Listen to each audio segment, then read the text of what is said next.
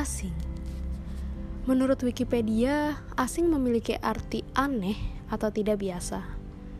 Kata ini familiar di telinga kita, bahkan untuk kita, hal ini familiar hadir dalam hidup kita. Berapa banyak kehidupan hadir dari suatu hal yang asing, bahkan sedari lahir kita menempati dunia asing bagi kita. Tempat baru di luar dari kenyamanan kita. Kita pun berawal dan menjalani kehidupan dengan bertemu berbagai kondisi dan individu-individu asing bagi kita. Dari asing menjadi biasa atau bahkan menjadi penting hingga akhirnya mungkin kembali asing. Tidakkah mengherankan bukan? Pada akhirnya kita atau individu lainnya adalah sebuah keterasingan itu sendiri. Namun berapa banyak dari kita menyadari enggan berada dalam keterasingan?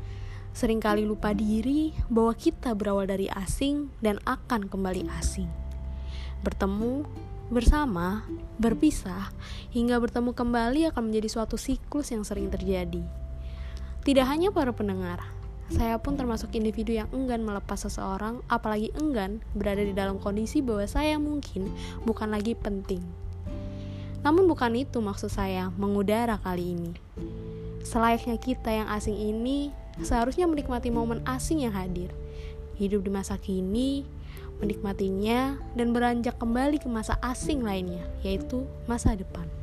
Membuka mata, menyadari hati, diri, dan kehadiran individu lain, bahwa tidaklah buruk kita berada dalam dunia yang berbeda, bahwa kita pun akan selalu menjadi hal asing bagi individu lainnya.